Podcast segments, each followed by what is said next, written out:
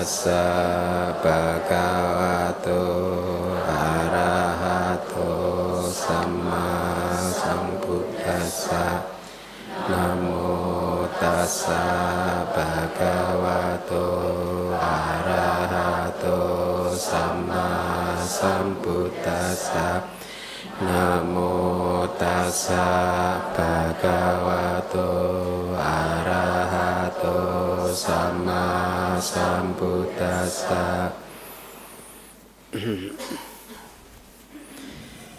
Baik, uh,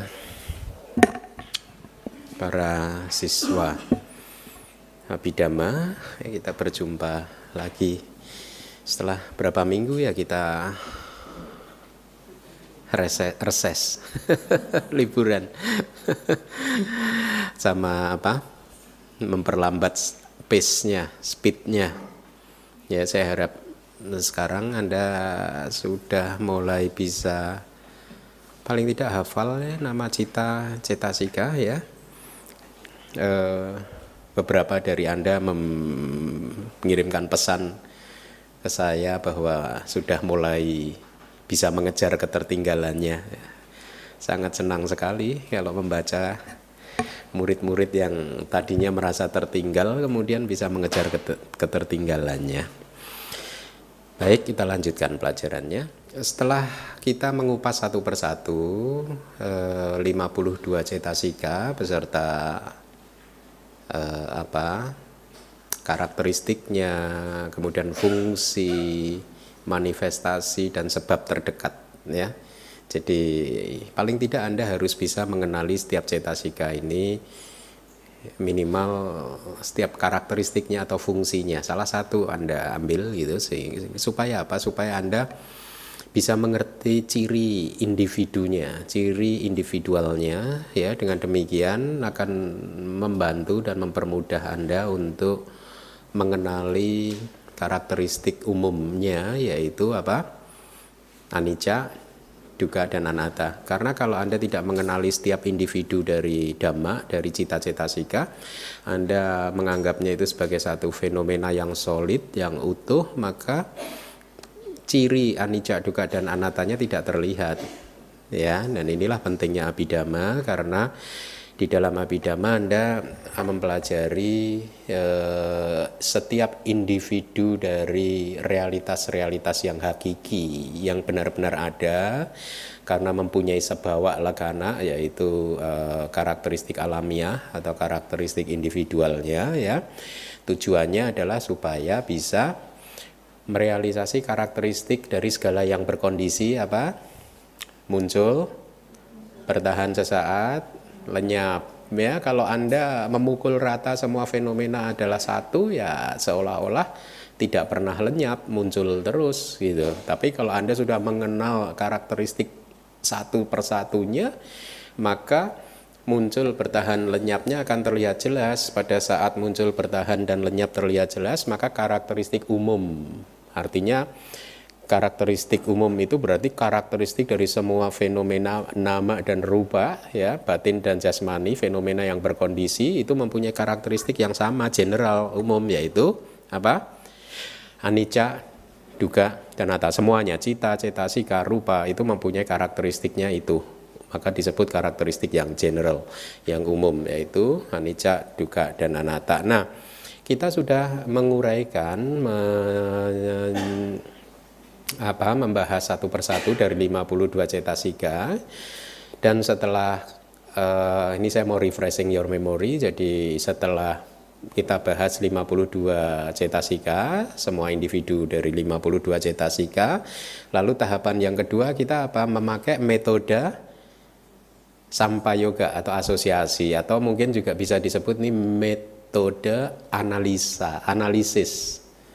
Ya, jadi setiap cetasika dianalisa bahwa cetasika tertentu ini misalkan sada dia bisa muncul di cita mana saja dianalisa. Ya, jadi metode sampai yoga ini metode analisa, analisis. Karena nanti metode yang kedua yaitu apa?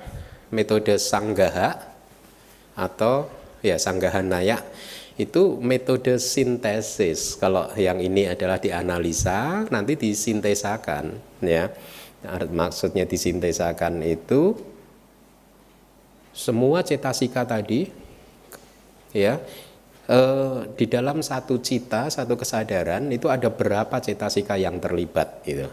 Jadi mulai disintesakan. Ini dua metode yang akan kita pelajari di apa saya ulangi lagi dua metode yang kita pelajari yaitu apa? Metode analisis dan sintesis ya. Kita masih dianalisis dianalisa. Cetasika tertentu ini munculnya di mana saja? Dianalisa nanti disintesakan. Di dalam satu cita itu ada berapa cetasika yang masuk yang terlibat yang muncul dan lenyap bersama-sama dengan cita tersebut ya. Nah di dalam metode asosiasi atau analisis kita sudah mempelajari berapa? Sampai aku salah cetasika ya. Ya Baik, jadi sudah berapa cetasika yang kita pelajari? 14 dan 13 ya. 27 cetasika. Mari kita lanjutkan pelajaran kita. Uh, ini dari Abhidhamma Sanggahanya, kemudian terjemahannya silahkan dibaca.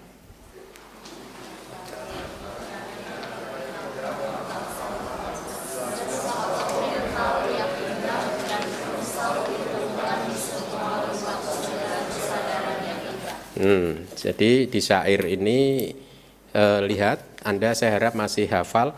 19 faktor mental yang indah atau sobana cetasika itu apa saja? Sadda, sati, hiri, otapa, aloba, adosa, tatra majatata, kemudian? Kaya, pasadi, cita pasadi, kaya, lahuta, cita lahuta. Kaya muduta. Cita muduta. Kaya kamanyata. Cita kamanyata. Kaya pagunyata. Cita pagunyata. Apalagi hmm? uju kata kaya dan cita ya. Jadi 19 cetasika yang baru saja kita baca itu disebut cetasika yang indah, sobana cetasika, sesuai dengan namanya. Jadi kalau dia muncul hanya muncul di cita yang indah, dia tidak bisa muncul di aku salah cita ya. Dia hanya muncul di di ahituka cita muncul tidak? Tidak juga. Dia hanya muncul di mahakusala, mahawipaka, mahakiriya dan seterusnya sampai ke lokutra cita ya. Jadi 19 faktor mental tadi itu muncul di semua kesadaran indah. Ada berapa kesadaran indah? 59 ya kalau dianalisa secara ringkas tanpa menganalisa jana ya. Ada 59. Mari kita baca lagi. Silakan.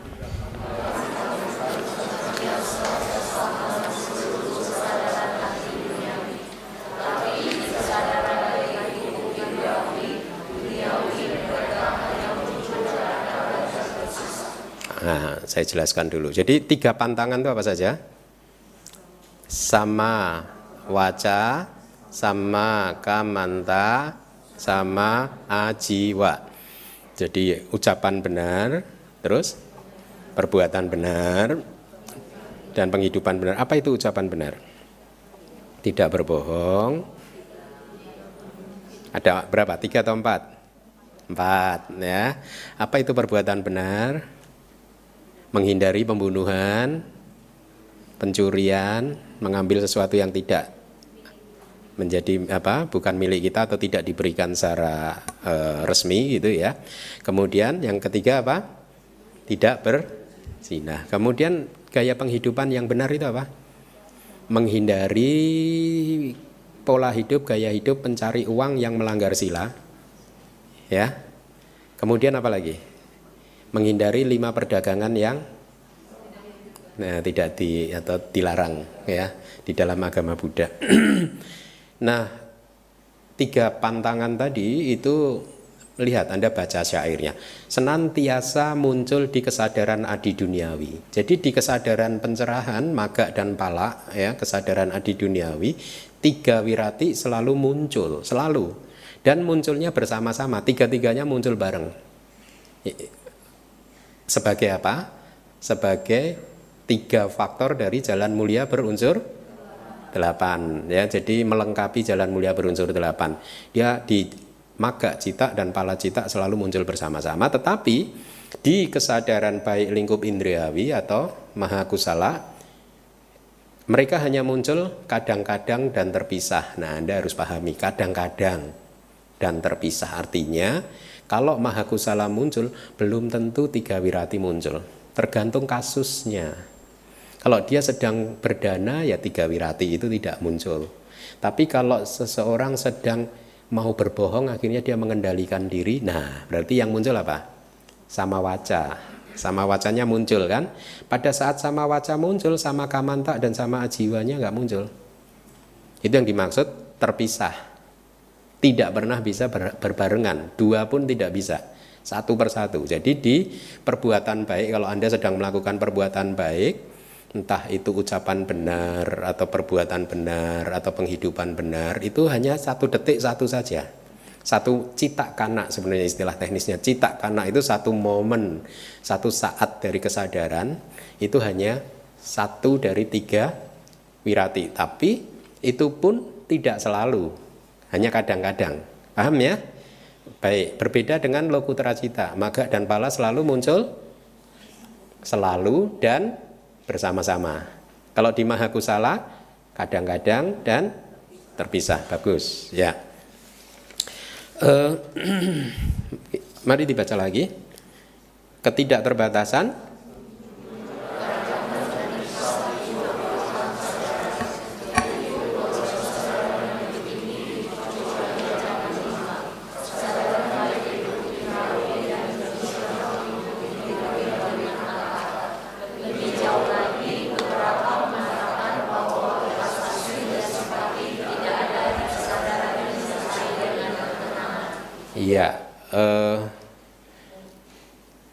Anda pahami dulu yang tadi tiga wirati muncul di yang selalu muncul dan bersama-sama di mana? Di maga cita dan pala cita. Tetapi khusus di maga cita, tiga wirati pada saat muncul dia melakukan fungsinya yaitu apa? E, kalau bahasa palinya pada kak eh pada cedaka ya, pada cedaka kayaknya di kelas-kelas yang dulu itu. Pada itu kaki, menghancurkan kaki jadi artinya menghancurkan kaki dari ucapan salah, perbuatan salah dan penghidupan benar sehingga akhirnya dia jatuh itu. Artinya apa? Sejak kemunculan dari maga cita, maka kecenderungan untuk mengucapkan kata-kata kata-kata yang tidak baik, perbuatan tidak baik dan mencari penghidupan yang tidak benar sudah tidak bisa muncul lagi. Paham ya?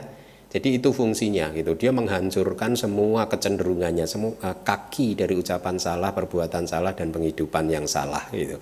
Itu istilah teknis saja kaki. Pada saat kakinya udah hancur, dia udah nggak bisa berdiri lagi gitu ya. Uh, itu di pelajaran lalu ada itu. Nah, sekarang syair yang ke-30, ketidakterbatasan itu apa? Karuna dan mudita apa namanya ya. Muncul kadang-kadang dan terpisah. Anda perhatikan itu. Di 28 kesadaran jumlahnya yaitu 12 kesadaran yang lebih tinggi ini istilah kesadaran yang lebih tinggi itu bahasa palinya adalah mahak gata yang dulu saya terjemahkan gone to the great kesadaran yang sudah uh, so baik. Kenapa? Uh, besar maha. Karena sudah tidak ada eh, di kesadaran ini sudah tidak ada lagi lima rintangan batin ya rintangan eh, rintangan batin sudah dilampaui atau mahagata gone to the great karena kesadaran ini hanya muncul di yogi yang hebat gitu yang mencapai jana. Itu penjelasan di kitab komentar gitu. Di sini saya terjemahkan jadi kesadaran yang lebih tinggi berarti kesadaran jana materi halus dan jana arupa atau non materi yaitu 12 kesadaran yang lebih tinggi kecuali jana kelima berarti jana satu, jana dua, jana tiga, jana empat. Jana satu ada berapa? Kesadaran jana satu. Tiga kan? Kusala, wipaka, kiriya kan? Jana dua ada berapa? Tiga juga. Kusala, wipaka, kiriya. Jana tiga? Sama. Kusala, wipaka, kiriya. Jana empat? Tiga juga. Kusala, wipaka, kiriya. Tiga kali empat? 12. Jadi itu yang dimaksud ya. Jadi eh, karuna dan mudita kalau di kesadaran jana dia harus muncul di jana yang mempunyai jenis perasaan suka atau somanasa tidak bisa dia muncul di UPK di jana kelima itu kan perasaannya UPK ya maka karuna dan mudita di jana tidak kompatibel dengan perasaan UPK tetapi karuna dan mudita, welas asih dan simpati bisa muncul di kesadaran kita sehari-hari dengan perasaan UPK. Bisa di Mahakusala, dia di, itu lihat tuh. Muncul nggak di Mahakusala? Muncul kan semua delapan kan? Ya. Terus fungsional juga muncul, berarti arahat juga di dalam kehidupan sehari-hari juga bisa memunculkan karuna dan mudita. Bagus ya, paham ya? Jadi kalau berkaitan dengan jana, karuna dan mudita harus muncul di kesadaran jana yang berasosiasi dengan somanasa atau suka wedana, perasaan suka atau perasaan suka uh, bahagia. Tetapi kalau di dalam kehidupan sehari-hari, bukan jana maksudnya, uh, welas asih dan simpati bisa muncul dengan UPK. Ya, paham atau tidak?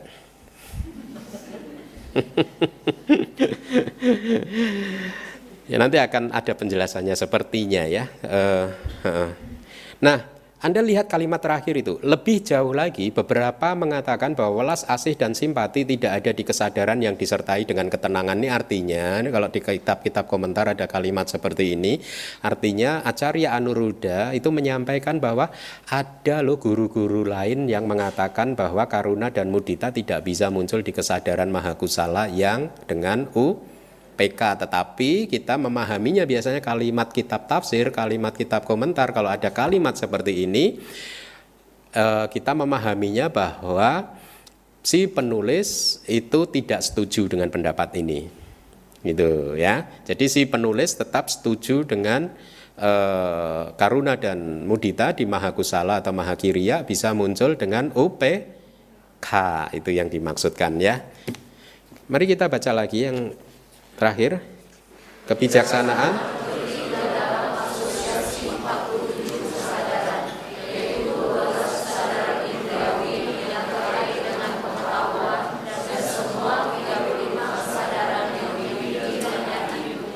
Ya, jadi kebijaksanaan itu panya ya.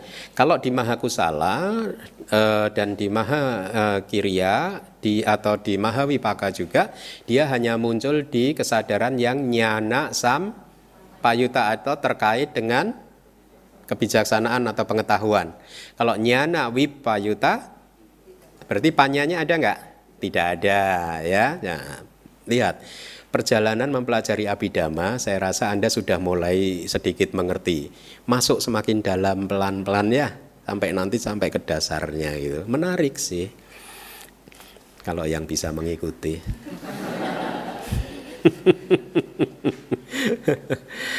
ya, mari kita analisa. Kebijaksanaan berarti muncul di 47 kesadaran yaitu 12 kesadaran indriawi yang terkait dengan pengetahuan. Berarti yang maha kusala ada berapa? Empat. Mahawipaka ada? Empat. Mahakirya ada? Semuanya yang nyana sam payuta atau terkait dengan pengetahuan atau terkait dengan kebijaksanaan. Kemudian kalimat selanjutnya dan semua 35 kesadaran mahagata atau yang lebih tinggi dan adi duniawi ya. Mari kita hitung berapa kesadaran mahagata? 27 kan? Benar ya? 12 tambah 15 27 kan? Kemudian lokutara cita ada berapa? 8. 27 tambah 8 berapa anak-anak? Ketemu 35 kan? Ya, paham ya? Jadi panya muncul di 47 kesadaran tadi. Mari kita lihat penjelasannya sekarang dari kitab tafsirnya ya. Sub tafsirnya. Dikarenakan fondasi jana, ini di pelajaran lalu, Anda mengulang pelajaran rupa wacara cita atau kesadaran jana materi halus atau kesadaran e, arupa wacara cita juga sempat saya singgung. Jadi e, bahkan di luku teracita juga disinggung.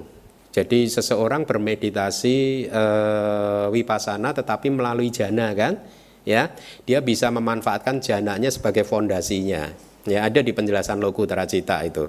Anda uh, misalkan seseorang menguasai jana pertama, mencapai jana pertama dulu ya. Kemudian keluar dari jana pertama memanfaatkan jananya sebagai fondasi untuk menganalisa e, nama dan rupa atau menganalisa faktor jana dan lain sebagainya sehingga jana satu ini dijadikan fondasi atau sebaliknya kalau seseorang menguasai jana kedua, memakai jana keduanya sebagai fondasi, kemudian dia berwipasana. Ini yang dimaksud. Dikarenakan fondasi jana, pikiran benar kadang-kadang lenyap di kesadaran adi duniawi. Paham nggak Anda maksudnya? Hmm? Maksudnya begini, kalau seseorang pikiran benar itu apa? Sama sang kapak kan? Jalan mulia berunsur delapan. Ya, yang kedua apa? Sama sang kapak. Pikiran benar kan? Pikiran benar itu sesungguhnya cetasika apa? Witaka, bagus pikiran benar itu witaka. Ya. Kalau seseorang berwipasana dan mencapai maga dan pala dengan berdasarkan jana kedua, ya, karena jana keduanya sebagai fondasi, maka maga dan palanya tanpa witaka. Paham nggak? Karena jananya kan tanpa witaka. Jadi maga dan palanya juga tanpa witaka. Artinya di jalan mulia berunsur delapan hanya berapa? Tujuh tanpa sama sangkapa. Itu yang dimaksud ya dikarenakan fondasi jana maka pikiran benar atau dalam kurung ultimate reality-nya eh, realitas hakiki dari pikiran benar itu adalah witaka kan kita mengenal berapa realitas hakiki empat kan cita cetasika rupa nibana pikiran benar bukan realitas hakiki kalau dianalisa diperas pikiran benar ketemunya realitas hakikinya yaitu witak K itu yang dimaksud ya. Jadi pikiran benar kadang-kadang lenyap di kesadaran dun adi duniawi artinya tidak muncul di kesadaran adi duniawi jana kedua, jana ketiga, jana ketiga, eh, keempat dan jana ke lima. Tetapi pantangan tidak pernah tidak ada. Tadi sudah saya jelaskan kan? Di jalan adi duniawi atau di loku teracita sama waca sama kamanta sama ajiwa pantangan wirati tidak pernah tidak ada artinya apa selalu ada kan ya selalu ada di jalan artinya di maga cita kesadaran jalan tiga rintang tiga pantangan muncul dengan memotong perilaku tubuh ucapan dan penghidupan yang tidak baik dipotong ya sementara di buah muncul karena semata-mata mengikuti keselarasan saja dengan kesadaran jalan. Ini menarik. Jadi di kesadaran buah tiga wirati tetap muncul, ya. Uh, padahal kesadaran buah itu kusala atau wipaka? Wipaka, ya kan? uh, jalan itu kan kusala, buah wipaka kan? ya. Jadi di wipaka lokutra wipaka cita tiga wirati muncul. Tetapi di maha wipaka cita wirati muncul enggak? Enggak. Anda tahu? Ya, kenapa di maha wipaka tidak muncul tapi di lokutra wipaka muncul? Kenapa? Karena kalau di maha di kesadaran duniawi tiga wirati itu adalah aktivitas pada saat seseorang menahan diri untuk tidak berbohong dan lain sebagainya kan? Ya. Sementara mahawipaka itu bukan kesadaran yang aktif artinya bukan kesadaran kusala. Jadi wirati itu sebenarnya sifatnya kusala itu kusala menahan diri untuk tidak berbohong dan seterusnya. Jadi sifatnya baik itu jadi dia tidak muncul di kesadaran resultan. Tetapi khusus di kesadaran resultan adi duniawi dia muncul karena keselarasan dengan maga aja. Maga pala itu dia selaras dia. Ya agak teknis. Uh, selanjutnya di kesadaran baik indriawi itu artinya apa? Berarti mahaku salah ya pantangan muncul untuk meninggalkan berbohong dan lain-lain secara terpisah tadi sudah saya katakan. Tetapi di adi duniawi lokutra cita di dalam satu momen kesadaran pantangan memotong semua kecenderungan perilaku tidak baik dan penghidupan eh, tidak benar. Perilaku tidak baik itu berarti ucapan yang tidak baik dan perbuatan yang tidak baik serta penghidupan yang tidak benar Beberapa dipotong sempurna, beberapa yang lain muncul dalam bentuk mencegah kemungkinan untuk terlahir di alam tanpa kebahagiaan atau apa ya, ya neraka, binatang, beta dan asura, tergantung pada jalannya masing-masing tergantung pada pencapaian tingkat pencerahannya. Kalau dia sotapana, ya dia memotong kecenderungan yang bisa membuat dia terlahir di empat alam yang bawah. Tapi begitu sakadagami dia muncul lagi, dia memotong kecenderungan yang kasar lagi. Semakin lama dia semakin halus. Ya, kira-kira prosesnya seperti itu. Nah, saya break sebentar. Anda buka chart Anda yang ini. Anda dibawa enggak chart yang ini? yang yang ada sampah yoga dan uh, sanggaha ya. Hmm? Di bawah. Anda lihat tuh Sobana Cetasika ada berapa itu yang di sebelah kanan dari chart ini ada 25 kan?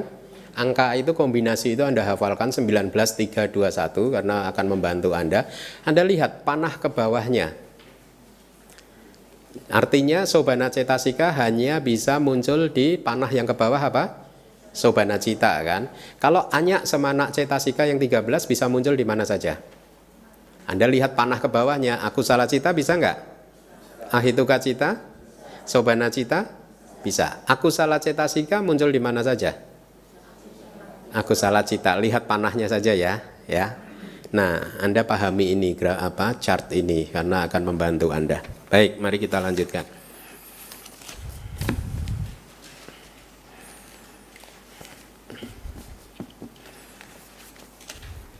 Uh, tiga wirati muncul di Mahagata Cita enggak? Hmm? Tidak, kenapa? Hmm? Kenapa tidak muncul di kesadaran jana tiga wirati? Sama waca, sama kamanta, sama ajiwa, kenapa tidak muncul di kesadaran mahagata? Kesadaran yang lebih tinggi atau kesadaran jana? Ada yang bisa menjawab? Hmm? Anda menganalisanya seperti ini. Cita dan cetasika kan muncul dan lenyap secara bersama-sama. Mengambil objek yang nah, objeknya sama waca sama kamanta sama ajiwa apa? Hmm? Menghindari untuk tidak berkata-kata yang tidak baik dan lain sebagainya kan? Objeknya jana apa? Hmm, objek jana kan pati baga nimita, objeknya berbeda ya jadi tidak muncul di kesadaran jana karena apa? Tiga wirati tidak bisa mengambil patibaga nimita. Tidak bisa mengambil objek dari jana. Ya. Jadi tiga wirati tidak muncul di kesadaran jana. Penjelasan yang lain adalah karena untuk mencapai jana seseorang sudah harus memurnikan silanya terlebih dahulu. Sila harus murni terlebih dahulu, baru kemudian dia mencapai jana. Nah kemurnian sila itu dilakukan salah satunya oleh wirati kan, ya kan? Ucapan benarnya murni dulu, kemudian perbuatan benarnya murni, penghidupannya murni, terus dia mencapai jana. Jadi wirati muncul sebelum dia mencapai jana. Tapi pada saat mencapai jana, wirati tidak muncul karena apa? Objeknya berbeda ya. Baik.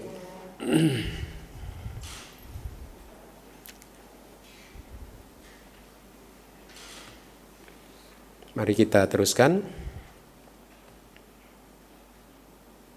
Di kesadaran jana, ini dari kitab sub tafsir, ketidakterbatasan karuna dan mudita tidak pernah muncul tanpa sukacita.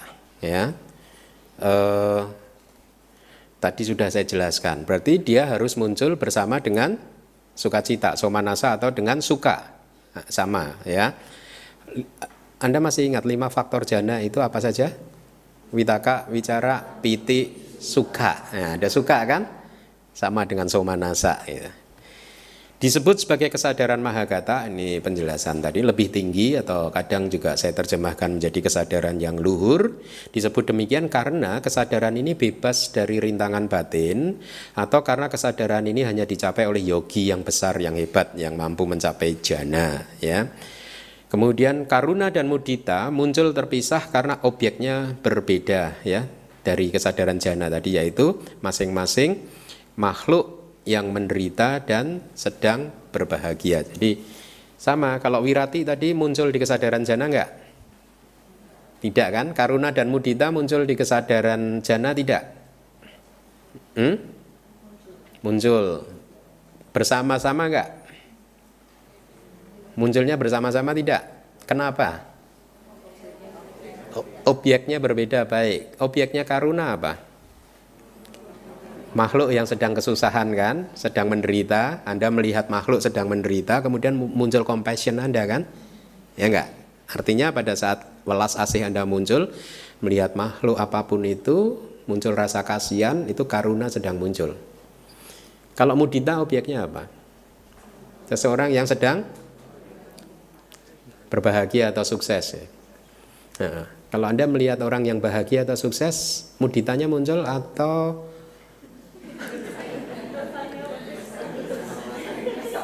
Isa? Hah? Isa Macaria? Hah? Yang mana yang muncul? Kalau orang ob, objeknya adalah orang yang berbahagia, cetasika yang muncul apa? Hah? Menurut Anda apa cetasika yang muncul? Yang sering muncul aja. Apa? Isa, Macaria? Hah? Atau Mudita? Hah? Hah? Mudita ya? Bener? Enggak, saya enggak tanya saya kok, saya tanya Anda kok.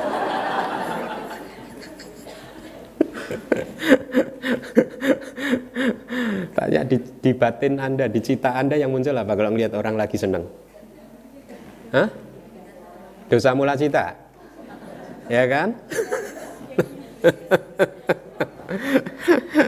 nah, ya bagus. Ya, mari kita lanjutkan lagi. Uh, karuna dan mudita muncul di lokutra cita enggak? Hmm? Muncul tidak? Welas asih dan simpati muncul di maga dan pala enggak? Kenapa? Karena objeknya lagi. Objeknya maga dan pala apa? Nibbana. Jadi karuna dan mudita tidak bisa muncul karena dia tidak bisa mengambil nibba. Nah, ya. Mari kita lanjutkan. Karuna dan mudita di maha kusala itu uh, pada saat tadi kan dijelaskan karuna dan mudita bisa muncul di perasaan UPK kan? ya di mahakusalanya pada saat seseorang mengembangkan karuna dan mudita sebelum mencapai jana berarti masih mahakusala atau kalau dia arahat berarti mahakirya dikarenakan faktor keakraban paricaya ya eh, konsentrasi persiapan sebelum dia mencapai jana bahkan bisa muncul dengan kesadaran yang disertai dengan ketenangan atau UPK tidak harus somanasa ya. Penjelasannya seperti ini.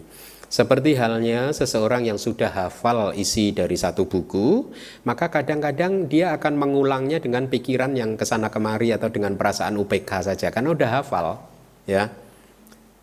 Ewang me sutang kang yang bagawa kurusu dan seterusnya. Dia hanya mengucapkan dengan UPK saja, karena udah hafal di luar kepala. Penjelasannya seperti itu. Jadi atau Seseorang yang mahir dalam merenungkan sangkara, nama dan rupa yang berkondisi melalui pasana, kadang karena dia sudah merenungkannya berkali-kali, dia merenungkannya dengan tanpa pengetahuan gitu. Bisa saja gitu. Ya karena sudah hafal, sudah berkali-kali ya dia mengingat dengan uh, tanpa kebijaksanaan ini yang dimaksud ya. Nah, hmm, Karuna dan mudita di maha kusala bisa muncul dengan UPK karena faktor keakraban tadi ya. Jadi tidak harus dengan somanasa. Beberapa guru mengatakan bahwa ketidakterbatasan tidak bisa muncul di kesadaran yang disertai dengan ketenangan. Tadi sudah saya sampaikan ya. E, tetapi kemudian pertanyaan saya, kalau di kesadaran jana, karuna dan mudita bisa muncul dengan jana yang berasosiasi dengan perasaan UPK enggak? diulangi lagi ini. Enggak ya? Enggak bisa ya? Ya, bagus. Mari kita lanjutkan. Eh, silahkan dibaca yang bahasa Indonesianya.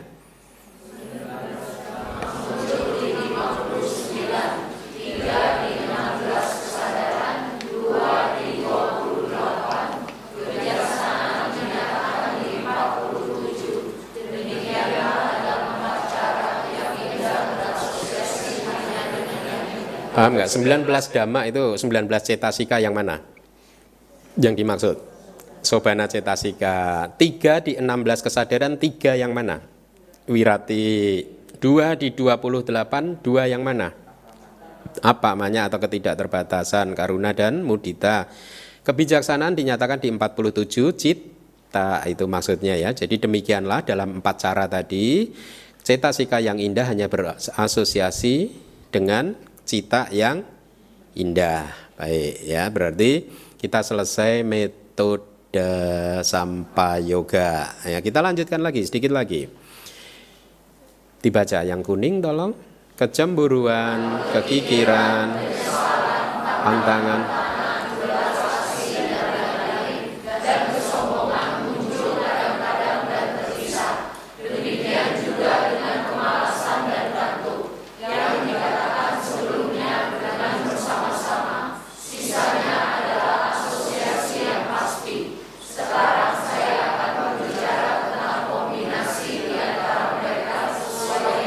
Ya, itu maksudnya ini Anda ini ini Anda harus hafal nih. Kecemburuan, kekikiran, penyesalan, pantangan-pantangan. Berarti ada tiga kan? Berarti enam kan? Tiga tambah tiga pantangan kan? Enam ya. Welas asih dan lain-lain artinya welas asih dan karuna berarti tujuh delapan cetasika.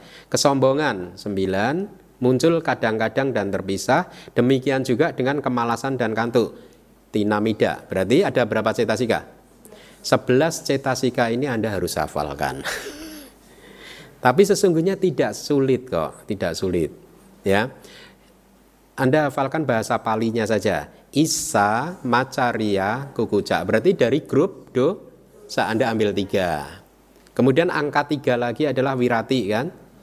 Ya, sama waca, sama kamanta, sama ajiwa. Kemudian dari angka tiga turun jadi angka dua berarti karuna dan mudita. Kemudian eh, pindah lagi ke akusala. Ya, dimulai dari kesombongan, kemudian yang bawah tina dan mida. Berarti ada berapa itu? 11 cetasika. Nah, 11 cetasika tadi disebut sebagai aniata yogi atau asosiasi yang tidak pasti. Ya, Anda catat itu. 11 cetasika tadi disebut aniyata yogi atau asosiasi yang tidak pasti artinya tidak pasti muncul di cita yang di mana dia bisa muncul. Itu yang dimaksud. Ya, misalkan nih, karuna dan mudita bisa muncul di mahakusala tidak? Tapi karuna dan mudita kan aniyata yogi asosiasi yang tidak pasti. Artinya tidak selalu muncul di maha kusala. Tetapi kalau dia muncul, dia munculnya di maha kusala. Terus sama di mana lagi? Hmm? maha kiriya. Terus di kesadaran jana yang somanasa ya. Nah, itu yang dimaksud aniyata yogi atau asosiasi yang tidak pasti. Dia tidak harus muncul. Gitu ya. Nah, 52 cetasika dikurangi 11 berarti sisanya ada berapa? 41 cetasika disebut niata yogi atau asosiasi yang pasti. Artinya 41 sisanya itu selalu kalau ada cita yang biasa dia muncul di situ pasti ada 41 itu. Paham nggak? Ya, paham ya? Jadi Anda harus pahami dulu niata yogi dan aniata yogi. Asosiasi selalu muncul dan kadang-kadang saja gitu. Yang sebelas tadi itu kadang-kadang saja. Tergantung kasusnya. Ya, misalkan seseorang mau membunuh nyamuk, nih maaf ceritanya nggak bagus ya membunuh nyamuk. Buddhis kan nggak boleh membunuh. Atau seseorang mau menyakiti binatang gitu ya, membunuh terlalu sadis ya. Menyakiti binatang, dia mau menyakiti, tiba-tiba dia ingat, eh kasihan ya. Nah, pada saat itu dia muncul Karuna kan? Citanya apa? Mahakusala kan? Tetapi apakah setiap maha kusala ada karunanya? Tidak. Paham ya? Kalau seseorang sedang berdana kan dengan maha kusala juga. Pada saat itu karunanya muncul nggak? Tidak. Itu yang disebut aniyata yogi. Asosiasinya tidak pasti. Munculnya tidak selalu, tidak harus. Tapi yang 41 pasti muncul. Ya, Anda harus hafal. Lagi, mari kita ulangi. Yang 11 yang asosiasi tidak pasti apa saja? Dari yang tiga dulu. Isa, Macaria, Kukuca. Tiga yang lain. Sama wajah, sama kamanta, sama ajiwa. Dua, karuna, mudita. Satu, mana. Dua lagi, tina mida. Bagus. Ya, itu yang dimaksud. Penjelasannya mari kita lihat. Asosiasi yang tidak pasti itu bahasa palinya, niata yogi itu 11 cetasika berikut tidak selalu muncul di kesadaran yang eh, terkait artinya yang dia biasa muncul yaitu Isa, Macarya, Kukuca, tiga wirati, dua pamannya, mana dan tinak mida. Itu saya beri rumus 3, 3, 2, 1, 1,1. Ya. Kenapa 1,1? Karena tinak mida itu berapa cetasika? Dua cetasika tapi dia selalu muncul bersama-sama tidak bisa tinak muncul sendiri, midaknya enggak. Kalau tinak muncul, midak pasti ikut. Ya, dia dia emang suka ikut gitu. si midah itu. si midah suka ikut si tina. ya. Nah, eh, mana itu asosiasi pasti atau tidak pasti? Tidak pasti. Jadi kalau seseorang sedang sedang menyombongkan dirinya sendiri saya lebih baik dari orang lain maka dia muncul. Munculnya di kesadaran yang mana? Kita belum belajar tapi itu di loba mula cita yang tanpa pandangan salah ya. Jadi kalau mana muncul ada di didik gata wipayuta cita. Tetapi tidak bisa dibalik kalau didik gata wipayuta cita muncul berarti mana selalu muncul dia hanya muncul kalau saat itu oh saya lebih baik loh daripada yang lain atau ah saya sih dia itu bekerja keras itu paling juga sama sama saya. ya memang dia lebih bagus daripada saya sih, tapi emang gue pikirin. Nah, jadi kan kesombongan bisa muncul dari tiga landasan kan, merasa lebih tinggi bisa memunculkan kesombongan, merasa sejajar bisa juga memunculkan kesombongan, merasa lebih rendah bisa juga memunculkan kesombongan artinya bukan berarti kesombongan itu hanya monopoli atau milik orang kaya saja. Orang miskin bisa sombong ya. Orang miskin sombong orang yang kurang pinter juga bisa sombong. Ya emang dia pinter sih tapi EGP lah.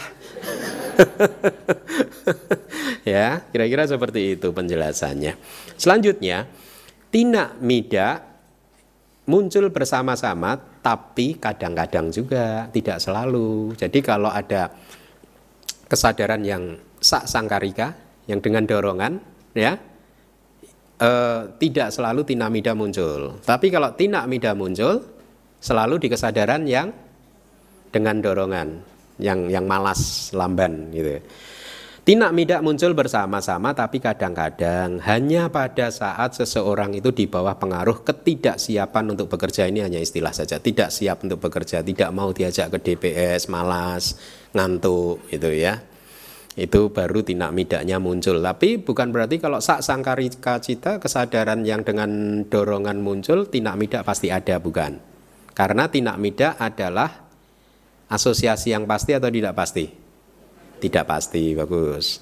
Di kesadaran yang berakar pada kebencian, dosa mula cita, dan dengan dorongan, berarti sak sangkarika, kadang bisa muncul bersama tinak mida, kadang bisa muncul bersama-sama dengan isa, macarya, dan kukuca. Ini pendapat dari beliau.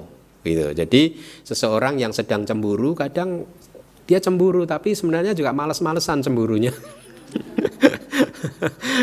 atau sedang kekikiran sedang muncul tapi tinak midanya juga ada gitu. Ya itu yang dimaksudkan.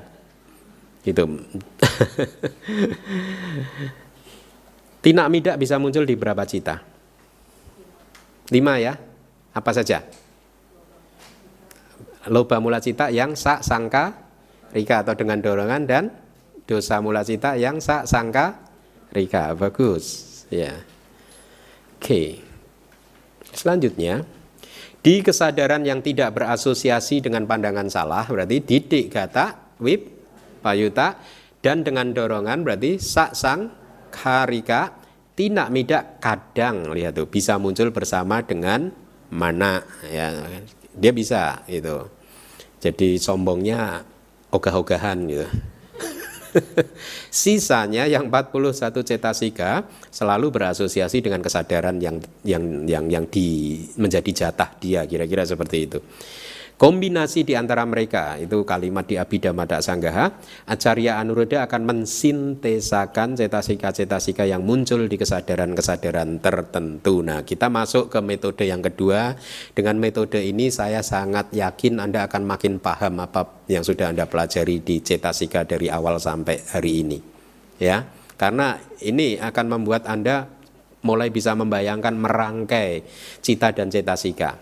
Ya, mari kita lihat. Silakan dibaca.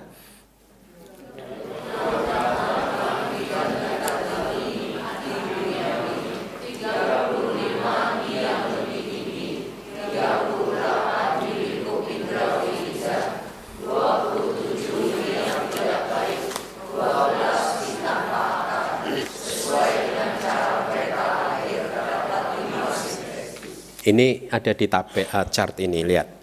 Yang yang bawah sendiri itu kan tidak tertandingi adi duniawi di di layar ada berapa? 36 dama atau 36 cetasika. Berarti ini lihat. Kita ambil angka tertingginya ini, ya.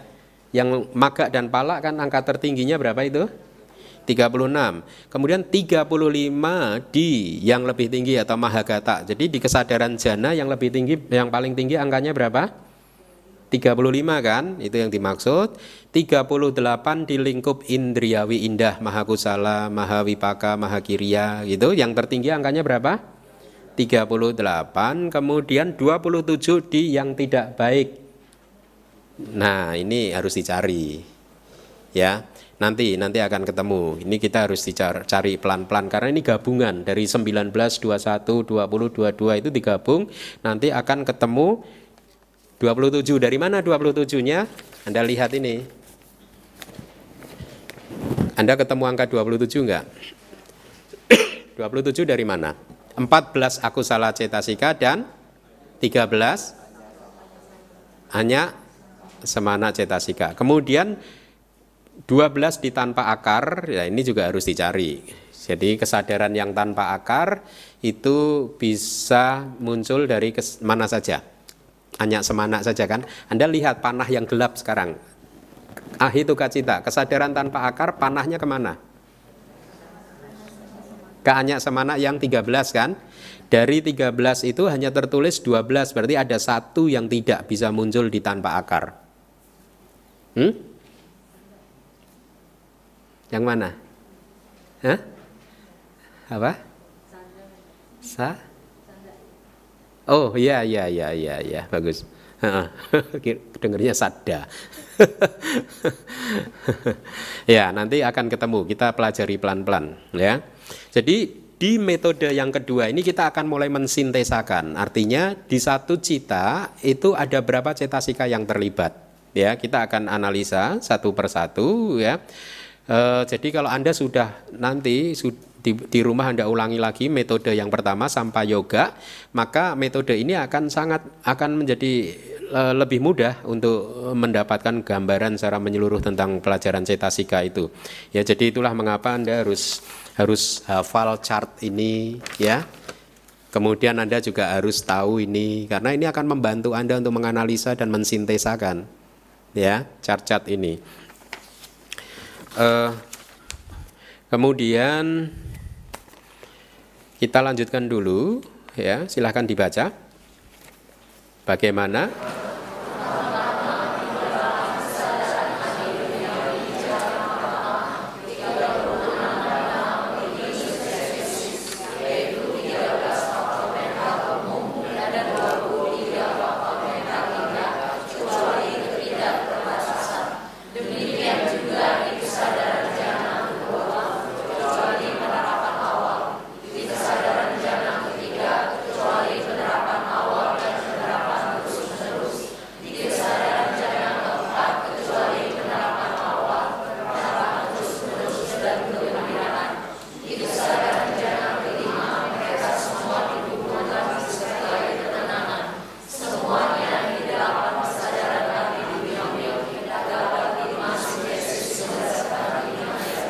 nanti kita bahas satu persatu, pelan-pelan saya akan terangkan kepada Anda. Saya ingin memberikan gambaran dulu kepada Anda begini.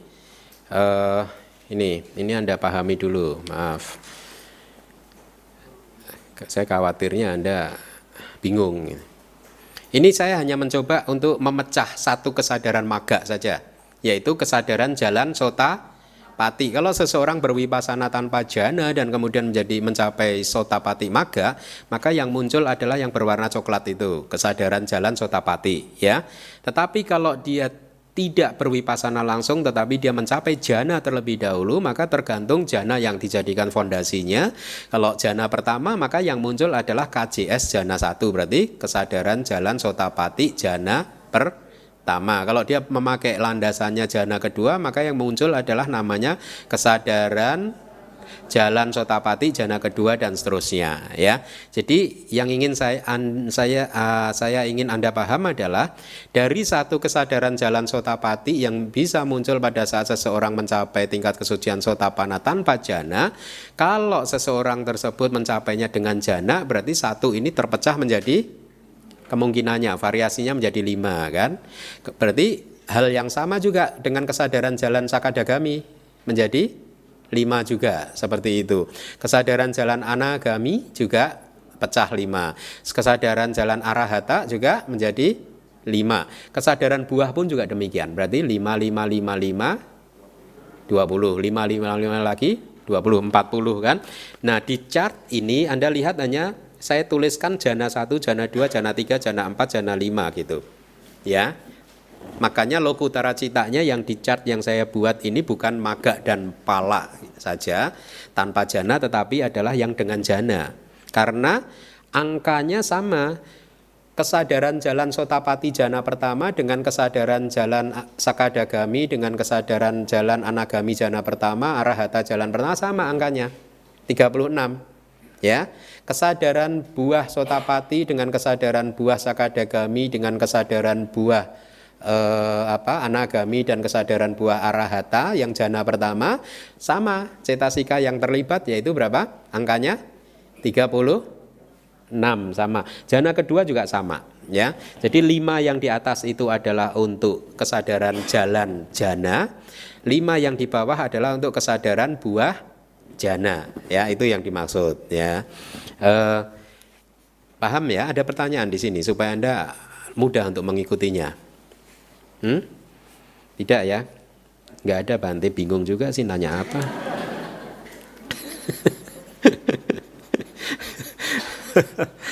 Enggak lah, paham ya Anda ya. Mari kita balik lagi yang tadi.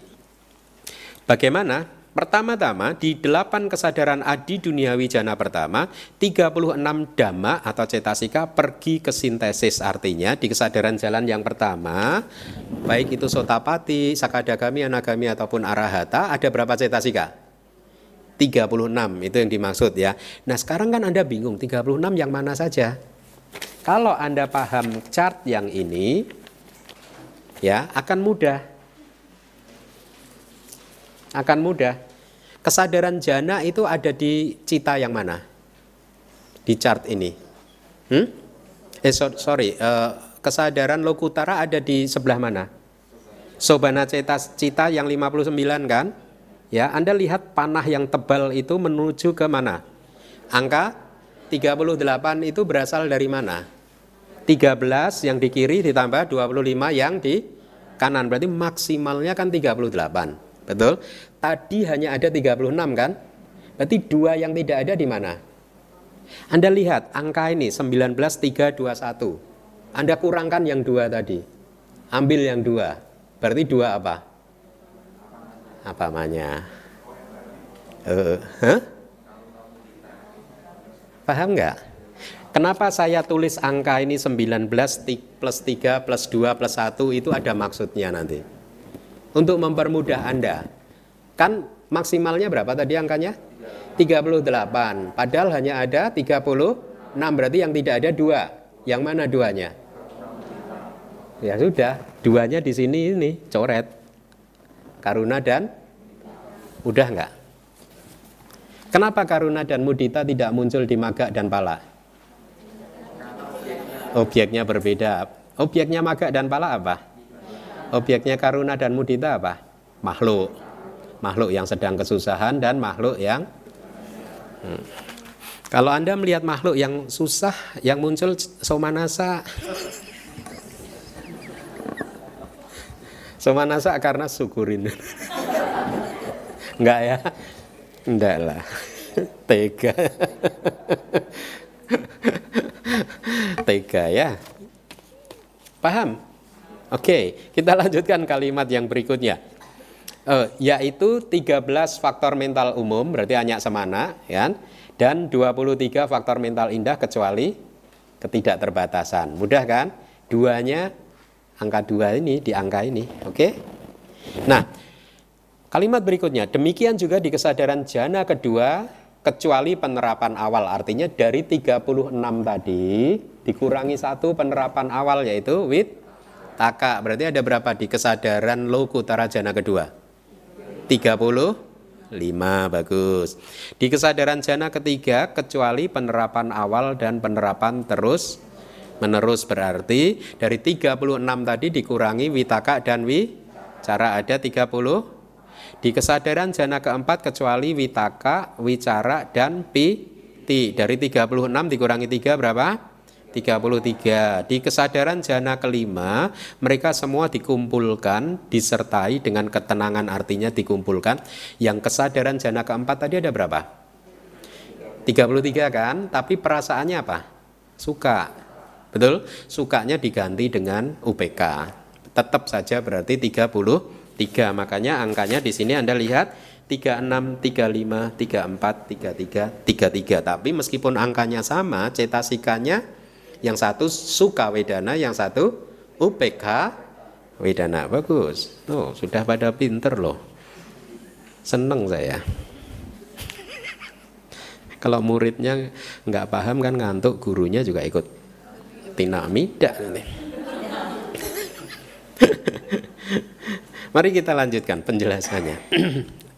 Ini sudah kita jelaskan sebenarnya. Angka-angka yang disebutkan di paragraf tadi adalah angka maksimal, ya. Ya, angka maksimal gitu. Hal ini berarti di dalam satu kesadaran, faktor mental yang muncul bersamanya bisa jadi berjumlah lebih eh, sedikit dari angka tersebut. Ini maksudnya kan tadi angka maksimalnya 36 kan? Jana kedua kan hanya 35. Gitu, ya. Itu yang dimaksud.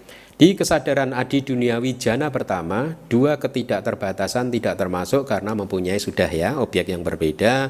Kesadaran adi duniawi mempunyai objeknya nibana, sedangkan ketidakterbatasan mempunyai makhluk sebagai objeknya ya. E, karuna makhluk itu sedang menderita, mudita makhluk itu sedang happy, bahagia gitu ya. Jadi dengan demikian saya rasa kita cukup pas satu jam. Uh, Iya.